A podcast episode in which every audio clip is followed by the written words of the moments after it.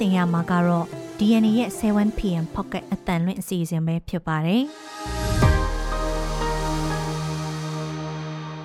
ဒီကနေ့အောက်တိုဘာလ9ရက်နေ့ရဲ့ pocket အတန်လွင့်အစီအစဉ်မှာတော့ပဲခူးမှာရေပေးတင်သူ2000ကျော်အထိရှိလာပြီးအစားအသောက်ကူညီဖို့အခက်အခဲဖြစ်နေတယ်ဆိုတဲ့အကြောင်းကမ်ဘလူနဲ့ဒဇယ်မှာလက်စစ်မီးဖြတ်တောက်ခံထားရတယ်ဆိုတဲ့အကြောင်းကိုဝင်ဆောင်စနီးတဲ့ပြင်းထန်တန်ရာရတဲ့အထိရိုက်နှက်ခဲ့တဲ့ခင်ပွန်းကို TNL ဖမ်းဆီးတယ်ဆိုတဲ့အကြောင်းလူမှုကွန်ရက်ပေါ်ကရေးသားမှုနဲ့ဆက်သွယ်ပြောဆိုမှုတွေကြောင့်ဖမ်းဆီးခံရသူ1300ကျော်အထိရှိလာတယ်ဆိုတဲ့အကြောင်းပြည်ပရောက်မြန်မာတွေရဲ့လစာကိုအခွန်ကောက်ခံရမှာစုကြီးနဲ့ထပ်ဆောင်ရငွေတွေကိုလည်းထည့်တွက်မယ်ဆိုတဲ့အကြောင်းစတဲ့ပြည်တွင်းသတင်းတွေနဲ့ဂါဇာစစ်ပွဲကြောင့်နှစ်ရက်အတွင်းတေဆုံးသူထောင်နဲ့ချီများပြားလာတယ်ဆိုတဲ့အကြောင်း အာဖဂန်ငလင်ကြောင့်တေဆုံးသူ2000ကျော်အထိမြင့်တက်လာတယ်ဆိုတဲ့အကြောင်းစတဲ့နိုင်ငံတကာသတင်းတွေနဲ့အတူຫນွေဦးတွေကကြပြကြပြတွေကຫນွေဦးကိုနားဆင်ရမှာပါပြည်တွင်းသတင်းတွေကိုတော့ကျမနန်းခမ်းနဲ့ကိုမောင်သိန်းကတင်ဆက်ပေးမှာပါ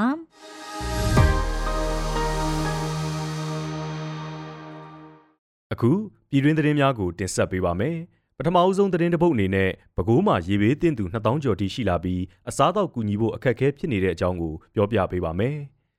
စံချိန်တင်မိုးရွာသွန်းမှုကြောင့်ရေကြီးရေရှမ်းမှုနဲ့ကြုံနေရတဲ့ပဲခူးမြို့မှာယာယီရေဘေးရှောင်စခန်းတွေထဲလူ2000ကျော်လောက်ခိုလုံနေကြရတယ်လို့ဒေသခံတွေနဲ့လူမှုကူညီရေးအသင်းတွေကပြောပါတယ်။အဲ့ဒီယာယီခိုလုံနေကြသူတွေကိုအရေးပေါ်အစားအသောက်တွေဝင်ငှဖို့ကလည်းမြို့ပေါ်တွေမှာပါရေများနေတာကြောင့်အခက်ကြုံနေရတယ်လို့ကယ်ဆယ်ရေးအဖွဲ့ဝင်တို့ကပြောပါတယ်။ လက်ရှိရေကြီးရေရှမ်းမှုဖြစ်နေတဲ့နေရာတွေကိုလူမှုကူညီရေးအသင်းဖွဲ့တွေမိသက်တပ်ဖွဲ့တွေတာဝန်ရှိသူတွေကရှာဖွေကူညီကယ်ဆယ်ပေးနေပေမဲ့ရေကြီးမှုဖြစ်တဲ့နေရာတိုင်းကိုတော့ကယ်ဆယ်ရေးအဖွဲ့တွေမရောက်သေးဘူးလို့နောက်ထပ်လူမှုကူညီရေးအဖွဲ့တာဝန်ရှိသူတို့ကလည်းပြောပါတယ်။မကြုံစဘူးတဲ့ရေကြီးရေရှမ်းမှုအခြေအနေကြောင့်လက်ရှိအချိန်ထိလူထိကြိုက်သေဆုံးတာမရှိပေမဲ့နေအိမ်အဆောက်အုံနဲ့လမ်းတရားတွေပြိုကျပျက်စီးမှုရှိသလိုစာတင်ကျောင်းတွေလည်းယာယီပိတ်ထားရပါတယ်။ နှစ်ပေါင်း60အတွင်းစံချိန်သစ်အနေနဲ့ပဲခူးမြို့မှာအော်တိုဘာ10ရက်ကမိုးရေချိန်10လက်မှနီးပါးအထိရွာသွန်းခဲ့ပြီးမှအခုလိုရေကြီးရေရှမ်းမှုနဲ့ကြုံနေရတာဖြစ်ပါတယ်။လက်ရှိပဲခူးမြေဟာပဲခူးမြို့မှာစိုးရင်ရင်မှတ်ထက်၄ပေကျော်အထိမြင့်တက်နေသလိုနောက်တရက်အတွင်း3လက်မလောက်အထိထပ်မြင့်တက်လာနိုင်သေးတယ်လို့မိုးလေဝသနဲ့ဇလဗေဒဌာနကထုတ်ပြန်ထားပါတယ်။ ရေကြီးရေရှမ်းမှုတွေကြောင့်ရန်ကုန်ပဲခူးသွားကားလမ်းမတွေပေါ်မှာလည်းကားကြီးကားသေးတွေသွားလာလို့မရနိုင်သေးသလိုတချို့လမ်းပိုင်းတွေမှာလည်းရေကျော်နေပြီးရေဆွဲအားကောင်းနေစေဖြစ်တဲ့အတွက်အန္တရာယ်ရှိနေတယ်လို့ဆိုပါတယ်။ဆက်လက်ပြီးပြောပြချင်တဲ့အကြောင်းကတော့ကမ်ဘလူနဲ့တဆိမှာလက်စစ်မီဖြတ်တောက်ခံထားရတဲ့ဆိုတဲ့အကြောင်းပါ။ကမ်ဘလူမြို့နယ်အတွင်းကျေးရွာတွေကိုပြီးခဲ့တဲ့ရက်ပိုင်းကစစ်ကြောင်းထိုးခဲ့တဲ့စက်ကောင်စီတပ်ဟာ မြို့နယ်တောင်ချမ်းကတပ်အားပေးုံတစ်ခုတည်းတက်ဆွဲခဲ့ပြီးတဲ့နောက်ကမ်ဘလူနယ်တွေကတိုက်နယ်တချို့နဲ့ဒဇယ်တမြို့နယ်လုံးကိုမိဖြတ်ခံထားရတယ်လို့ဒေသတွင်းသတင်းရင်းမြစ်တွေကပြောပါတယ်။စက်ကောင်စီတပ်ဟာကမ်ဘလူနယ်တောင်ချမ်းငပြောတိုင်းရွာတဲ့အနီးကလက်စစ်တပ်အားခွဲယုံတဲ့တက်ဆွဲအထိုင်ချက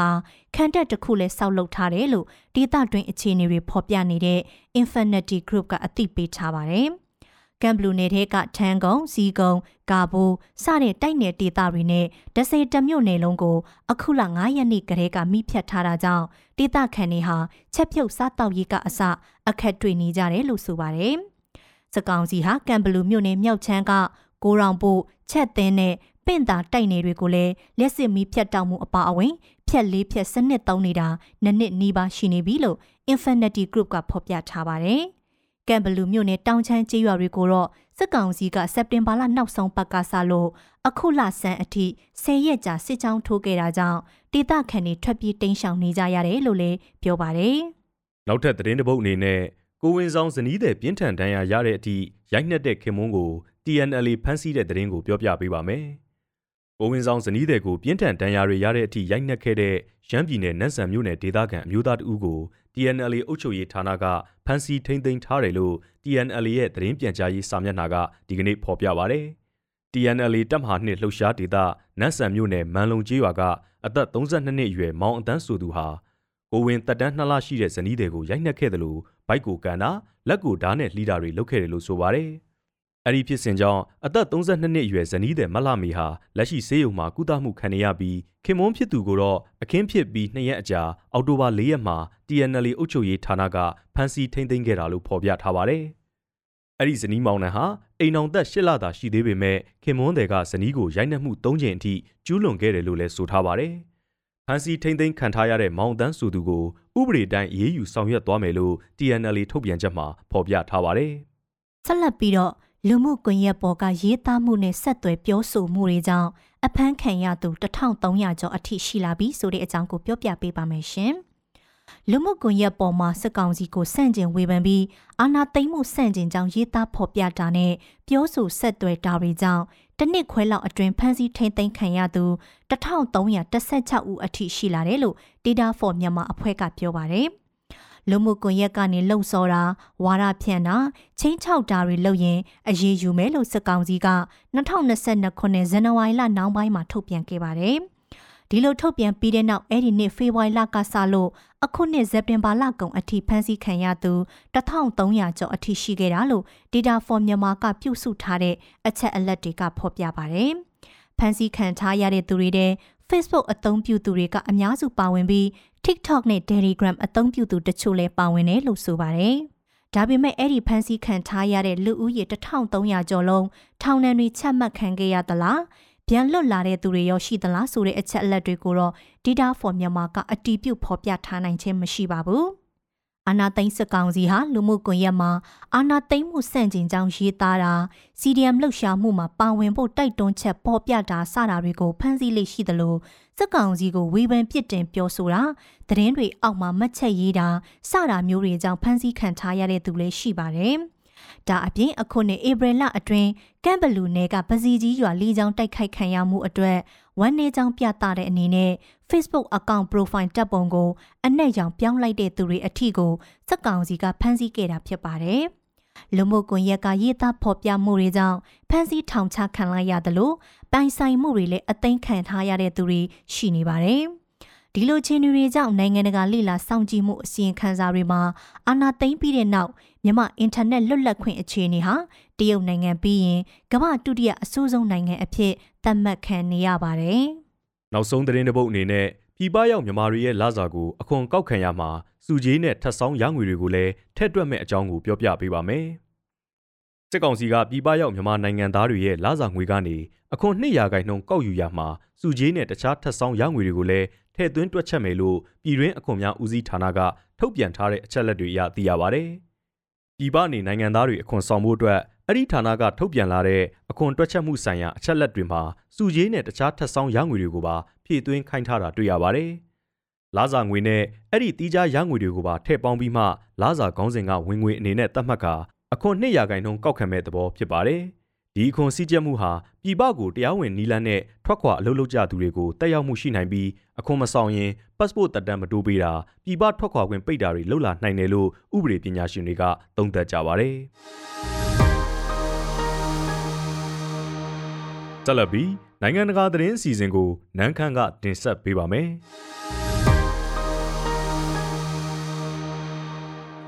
အစ္စရေးနိုင်ငံနဲ့ဂါဇာကမ်းမြောင်ဒေသအခြေဆိုင်ဟာမတ်စ်ပျောက်ကြားအဖွဲ့ကြားကသွေးချောင်းစီးတိုက်ပွဲဟာနှစ်ရက်အတွင်းလူပေါင်းထောင်နဲ့ချီအသေးအပြောက်များပြားလာစေခဲ့ပါတယ်။အော်တိုဘာလ9ရက်မနက်ပိုင်းကဟာမတ်စ်ကနေပစ်ခတ်လိုက်တဲ့ဒုံးကျည်အနည်းဆုံး2000ကျော်လောက်ဟာအစ္စရေးပိုင်တဲ့နေမြေတွေစီကြာရောက်ပောက်ကွဲခဲ့ပြီး တစ်ချိန်တည်းမှာပဲဟာမတ်စ်တွေနဲ့အတူဂါဇာအခြေစိုက်တခြားပါလက်စတိုင်းလက်နက်ကိုင်အင်အားစုတွေကအစ္စရေးနယ်စပ်ကိုနေရာပေါင်း20ကျော်ကနေရှောင်းတခင်ထိုးဖောက်တိုက်ခိုက်ခဲ့ကြပါတယ်။စစ်ပွဲရဲ့အစောပိုင်းကာလတွေမှာအစ္စရေးကအကြီးအကျယ်အထိနာခဲ့ပြီးနိုင်ငံတောင်ပိုင်းနေမြေတချို့ရန်သူလက်ထဲကျရောက်သွားသလိုစစ်တီနဲ့အယက်သားအများအပြားတည်ဆုံခဲ့ပါတယ်။နောက်ပြီးယာနဲ့ချီတုံ့ပန်းအဖြစ်ဖမ်းဆီးခံထားရတယ်လို့လည်းအစ္စရေးကကြေညာပါတယ်။ အခုအခါအစ္စရေးအစိုးရကဟာမတ်စ်ကိုတုံ့ပြန်စစ်ကြေညာပြီးဂါဇာမှာရှိတဲ့ရန်သူစစ်ရေးဗဟိုကုတ်ကဲမှုဌာနတွေကိုလေကြောင်းကနေပြင်းပြင်းထန်ထန်တိုက်ခိုက်ခဲ့ပါတယ်။ပြီးတော့အစ္စရေးတင်ကားတပ်တွေကလည်းဂါဇာကိုချီတက်ပြီးမြေပြင်ထိုးစစ်စတင်နေပါပြီ။တစ်ချိန်တည်းမှာပဲလက်ဘနွန်နိုင်ငံအခြေစိုက် Hezbollah ပျောက်ကြားတွေကအစ္စရေးကိုရန်လိုတဲ့အရေးအယောင်တွေပြသလာတာကြောင့်လက်ဘနွန်နဲ့နေဆက်မှာလည်းအစ္စရေးကတပ်တွေဖြန့်ထားရပါတယ်။အစ္စရေးစစ်တပ်ကနှစ်ရက်အတွင်း အသေးအပြောက်600ကျော်ရှိခဲ့တယ်လို့ကြေညာပြီးဂါဇာမှာလည်းအစ္စရေးရဲ့ပြင်းပြင်းထန်ထန်လက်တုံ့ပြန်မှုတွေကြောင့်ပါလက်စတိုင်း900ကျော်သေဆုံးတယ်လို့ဆိုပါတယ်။အစ္စရေးတိုက်လေယာဉ်တွေရဲ့ပုံကျဲမှုကြောင့်ဂါဇာမှာအဆောက်အုံတွေပြိုကျကုန်တာကိုအတိုင်းသားမြင်နေရသလို The Abit အပါအဝင်အစ္စရေးမြို့ကြီးတွေရဲ့ကောင်းကင်ယာမှာလဲဟာမတ်စ်တွေအုံနဲ့ကျင်းနဲ့ပစ်ခတ်လိုက်တဲ့ဒုံးကျည်တွေကိုလေကြောင်းကာကွယ်ရေးစနစ်တွေကအသေးအတန်ပြစ်ချနေတာတွေ့ရပါတယ်။ အစ္စရေးဟာဟာမတ်တွေနဲ့အကြိမ်ပေါင်းအတော်များများစစ်ခင်းတိုက်ခိုက်ဖူးပေမဲ့ဒီတစ်ကြိမ်မှာတော့စစ်ပွဲအစကတည်းကအကြီးအကျယ်အထိနာခဲ့တယ်လို့သတ်မှတ်နိုင်ပါတယ်။ဒုံးကြီးတွေကိုကာကွယ်ဖို့အစ္စရေးတပ်တွေပြားများနေချိန်မှာဂါဇာနဲ့အစ္စရေးပိုင်နယ်ကြားကလုံခြုံရေးစီးရိုးကိုပါဘာလက်စတိုင်းတွေကချိုးဖောက်ဝင်ရောက်ပြီးအစ္စရေးမြို့ရွာတွေကိုကျူးကျော်ခဲ့တာဖြစ်ပါတယ်။ပြီးတော့မြေထဲပင်လယ်ကတက်လာတဲ့ဟာမတ်စ်တွေနဲ့ဂလိုက်တာရီစီဘီလေကြောင်းကနေဝင်ရောက်လာတဲ့ပါလက်စတိုင်းလက်နက်ကင်တွေကပါ အစ္စရေးလုံခြုံရေးတပ်ဖွဲ့တွေကိုညှက်ပူးညှက်ပိတ်တိုက်ခိုက်ခဲ့ပါတယ်။ဟာမတ်စ်တွေဟာအရန်ကျေပြန်ပြီးအကျိတ်အဆက်မိမိလှုပ်ရှားခဲ့တဲ့စစ်စင်ရေးကြီးတရက်ကိုအကောင်အထည်ဖော်သွားနိုင်ခဲ့ပြီးရန်သူဖက်ကဒီလိုအစီအစဉ်မျိုးရှိနေတာကိုလုံးဝသတင်းအစအနာမရခဲ့တဲ့အစ္စရေးထောက်လန်းရေးဟာအပြင်းအထန်ဝေဖန်ခံနေရပါတယ်။အမေရိကန်အစိုးရကတော့အရက်သားတွေကိုပါပြစ်မှတ်ထားတိုက်ခိုက်ခဲ့တဲ့ဟာမတ်စ်တွေကိုအပြင်းအထန်ရှုံချခဲ့ပြီး မဟာမိတ်အစ္စရေးကိုလိုအပ်တယ်လို့အကူအညီပေးဖို့မြေထဲပင်လယ်စီလေရင်တင်သင်္ဘောကြီးတစ်စီးဦးဆောင်တဲ့တိုက်ရည်ရင်အုပ်စုကိုဆေလွတ်ထားလိုက်ပါတယ်။အစ္စရေးနဲ့ပါလက်စတိုင်းပျောက်ကြားတွေကြားလက်နက်ကင်ပြိပခကဒီဂရီအမြင့်ဆုံးအဆင့်ထိရောက်ရှိနေချိန်မှာတခြားအာရပ်နိုင်ငံတွေဝန်မပါဖို့ကိုလည်းအမေရိကန်ကတတိပေးထားပါတယ်။ဟာမတ်စ်တွေကတော့အခုစစ်စင်ရေးရဲ့နောက်ွယ်မှာအီရန်အစိုးရကသူတို့ကိုအကူအညီပေးထားကြောင်းပြောပါတယ်။ စစ်ပွဲကရှေးကြမဲ့အရေးလက္ခဏာမျိုးပြသနေပြီးအစ္စရေးဝန်ကြီးချုပ်ပင်ယာမင်နေတန်ယာဟုကဟာမတ်စ်တွေဟာစိတ်ကူးတောင်မရင်ဖူးလောက်အောင်ဆိုးရွားတဲ့အကျိုးဆက်တွေကြုံရမယ်လို့ကြုံဝါထားပါတယ်။ဟာမတ်စ်တွေကနောက်ထပ်ပါလက်စတိုင်းနေမြေတစ်ခုဖြစ်တဲ့အနောက်ဘက်ကမ်းခြေဒေသမှာလည်းအစ္စရေးကျူးကျော်သူတွေကိုလက်နက်ကင်အုံကြွကြဖို့ဆော်ဩထားပါတယ်။ကုလသမဂ္ဂရဲ့ထုတ်ပြန်ချက်အရအစ္စရေးဘက်ကလက်တုံပြန်တိုက်ခိုက်မှုတွေဆက်တိုက်အရှိန်မြင့်လာနိုင်ခြေရှိတဲ့အတွက် ဂါဇာမှာစိုးရိမ်တကြီးနေရက်စွန့်ခွာတိမ်းရှောင်တဲ့ပါလက်စတိုင်းဥယျာဉ်3,300ကျော်ထိတိုးပွားလာကြောင်းလည်းသိရပါတယ်။အာဖဂန်နစ္စတန်နိုင်ငံမှာလောက်ခဲ့ခဲ့တဲ့ငလင်ကြောင့်တေဆုံးသူ2000ကျော်ထိများပြားလာပြီးဖြစ်တယ်လို့ကဲဆယ်ရေးတွေကအပြက်စီးတွေအောက်အသက်ရှင်ရဲ့ပိတ်မိနေနိုင်သူတွေကိုအစွမ်းကုန်စူးစမ်းရှာဖွေနေကြပါတယ်။အော်တိုဘာလ9ရက်က အာဖဂန်အနောက်ပိုင်းကဟီရက်မြို့နားမှာရီစတက်စကီ6.3အဆင့်ရှိငလင်တစ်ခုလောက်ကပ်ခဲ့ရကနေနေအိမ်အဆောက်အုံတွေအရေးအတွက်ထောင်ကနန်းအထိပြိုကျပျက်စီးခဲ့ကြောင်းဒါလီဘန်အစိုးရကကြေညာထားပါတယ်။ပြီးတော့လူပေါင်း2000ထပ်မံသေဆုံးပြီး1500ကျော်တန်ရာရခဲ့ကြောင်းပျောက်ဆုံးနေသူတွေလည်းအများအပြားရှိကြောင်းတာလီဘန်တွေကပြောပါတယ်။မြို့တော်ကဘူးအပါအဝင်အနေနဲ့အရရက်ကကဲဆယ်ရေးနဲ့ ပရဟိတအဖွဲ့တွေဟာငလင်ပေးတဲ့ဇုံနယ်မြေစီအမြန်ဆုံးတွားရောက်ပြီးအပြက်အစည်းပုံတွေအောက်မှာပိတ်မိနေတဲ့သူတွေကိုရှာဖွေနေတယ်လို့လည်းဆိုပါတယ်။ဒါပေမဲ့အများစုကိုတော့ရုပ်အလောင်းတွေအနေနဲ့တာဆွဲထုတ်နိုင်ခဲ့ကြပါတယ်။ငလင်ကြောင့်ဟီရက်တဝိုက်ကကြေးပါတချို့ဟာရွာလုံးကျွတ်ပြပြဖို့ပျက်စီးကုန်ပါတယ်။ငလင်ကြီးအပြီးနောက်ဆက်တွဲဖြစ်ပေါ်နေတဲ့ငလင်ငယ်တွေကြောင့်လည်းဂဲဆယ်ရေးလုပ်ငန်းတွေဆောင်ရွက်ရမှာအဟန့်အတားတွေကြုံနေရတယ်လို့ဆိုပါတယ်။ ငလင်ရဲ့ပဟိုချက်ဟာလူဦးရေထူထပ်သိပ်တီးတဲ့ဧရိယာတွေနဲ့နီးကပ်ခဲ့တာကြောင့်လည်းအသေးအပြောက်ကိန်းကနန်းတွေဟာပုံမမျှပြားလာခဲ့တာဖြစ်ပါတယ်။ဒါလီဘန်တွေထုတ်ပြန်တဲ့အသေးအပြောက်စရင်တာမှန်ကန်ရင်ဆယ်စုနှစ်နှစ်ခုကျော်လောက်ကာလအတွင်းအာဖဂန်မှာအဆုံးဆုံးငလင်ဘေးကိုကြုံတွေ့လာရတာဖြစ်ပါတယ်။ကမ္ဘာနိုင်ငံအများစုရဲ့အစိုးရတွေကဒါလီဘန်တွေနဲ့အဆက်အသွယ်ဖြတ်တောက်ထားတာရဲ့နိုင်ငံတကာရဲ့လက်တလောအာယုံကဂါဇာစစ်ပွဲဖက်ကြရောက်နေတာတွေရဲ့ကြောင့် အာဖဂန်ကငလင်ပေးတဲ့ဒုက္ခသည်တွေဟာအပူတပြင်းလိုအပ်နေတဲ့နိုင်ငံတကာအထောက်ပံ့တွေကိုမရကြဘူးလို့လည်းလူအခွင့်အရေးအဖွဲ့တွေကပြောပါတယ်။နိုင်ငံတကာကယ်ဆယ်ရေးကော်မတီကလည်းအာဖဂန်မှာလိုအပ်တဲ့ကယ်ဆယ်ရေးအသုံးအဆောင်တွေစက်ရန်တရားတွေနဲ့ကျွမ်းကျင်ပညာရှင်တွေခေါင်းပါခြင်းကတဘာဝပေးဆိုးကြီးရဲ့နောက်ဆက်တွဲအသေးအပြောက်ပမာဏကိုပိုတိုးသွားစေနိုင်တယ်လို့သတိပေးထားပါတယ်။မနစ်ကလည်းအာဖဂန်အရှေ့ပိုင်းကတောင်ထူထက်ရာဒေသမှာ ရီစတာစကီ6ဝင်းကျင်အဆင့်ရှိတဲ့ငလင်တစ်ခုလောက်ခတ်ခဲ့တာကြောင့်တောင်ပေါ်ကျေးရွာတွေမှာရွှွနဲ့တိဆောက်ထားတဲ့နေအိမ်တွေအများအပြားပြိုကျကောင်းတာမြေပြိုမှုတွေဖြစ်ပွားတာကြောင့်လူပေါင်းတထောင်ကျော်အသက်ဆုံးရှုံးခဲ့ရဖူးပါတယ်။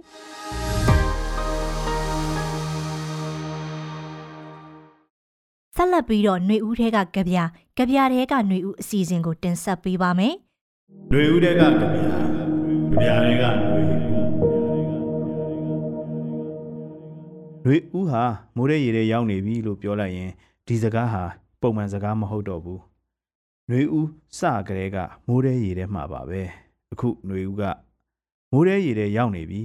ပန်းနိုင်နီးလေခက်ခဲလေအောင်ပွဲရဲ့ရနံ့ကိုရလေအတန်ကွဲတွေထွက်လာလေလေဆိုတာတဘာဝအတိုင်းပဲလို့ဆိုရမှာပဲ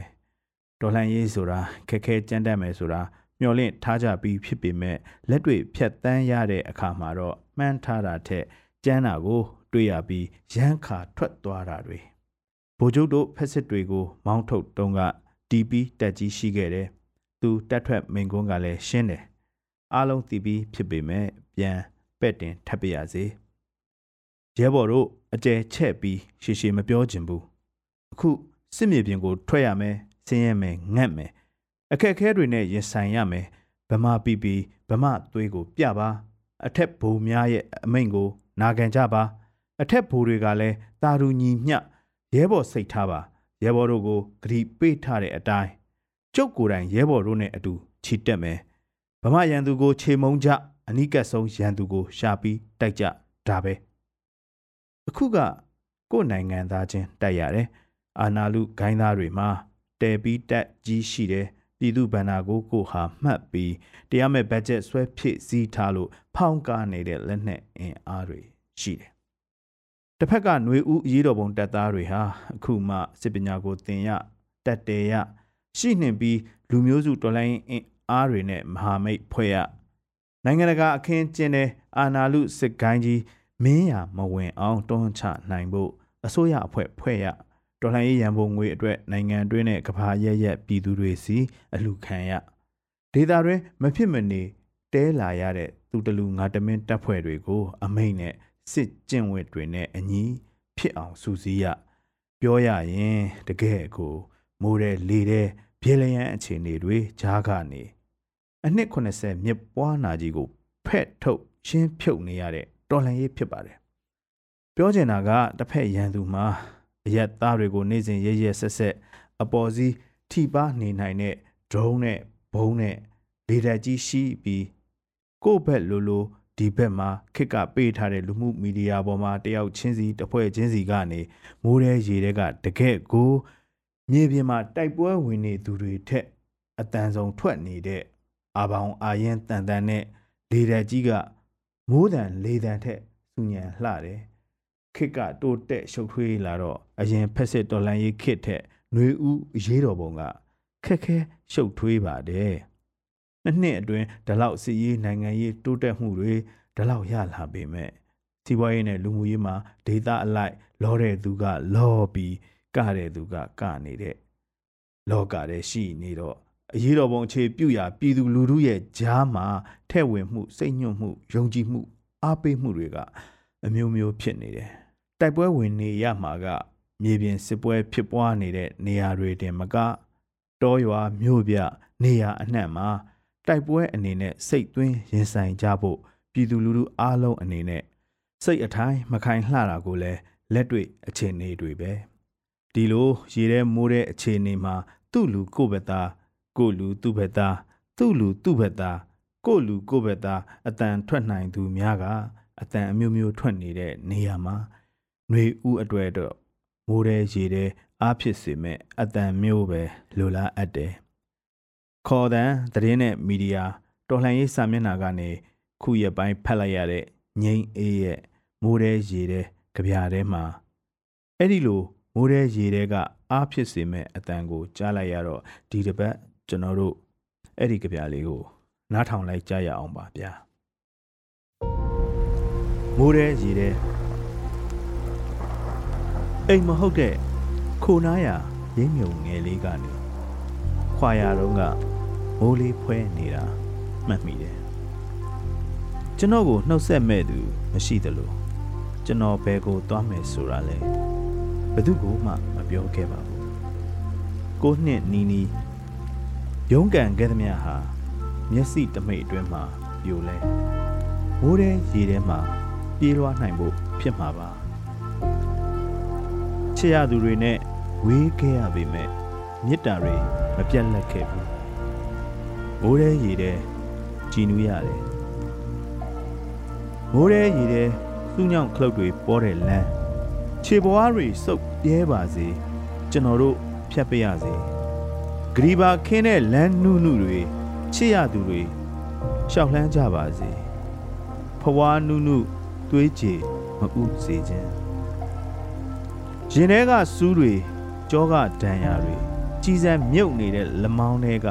တဆစ်စစ်နာကျင်မှုတွေမိုးတဲ့ရေတဲ့ပါသွားစေခြင်းပဲငယ်ငယ်ကမိုးရေထဲမှာဘောလုံးကန်ကြတယ်တပြောတပါအချင်းတွေစိုးလို့ခုနေခါများမိုးရွာမှာကိုစိုးထိတ်မိတယ် မိုးပြင်းလေပြင်းတဲမှာကြည်စံတွေရောပါလာတတ်လို့